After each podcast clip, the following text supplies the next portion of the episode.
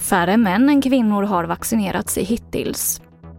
Det är allt färre skilsmässor i år och en resebyrå misstänks för att ha förmedlat falska covid-reseintyg.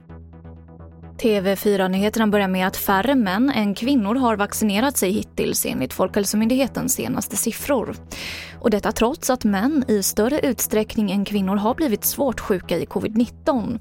58,9 procent av kvinnorna över 18 år i Sverige har tagit två doser. Motsvarande siffra bland männen är 52,7 procent. Jag har ju forskat på det här med eh, hur män och kvinnor söker vård i Sverige.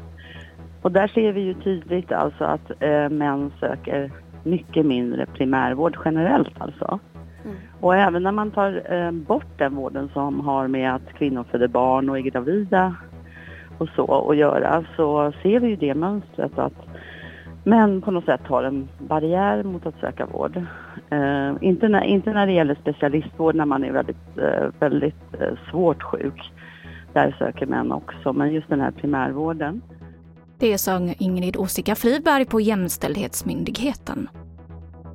Så till Malmö där en resebyrå misstänks för att förmedla falska covid-reseintyg till sina kunder. Det här rapporterar Sydsvenskan.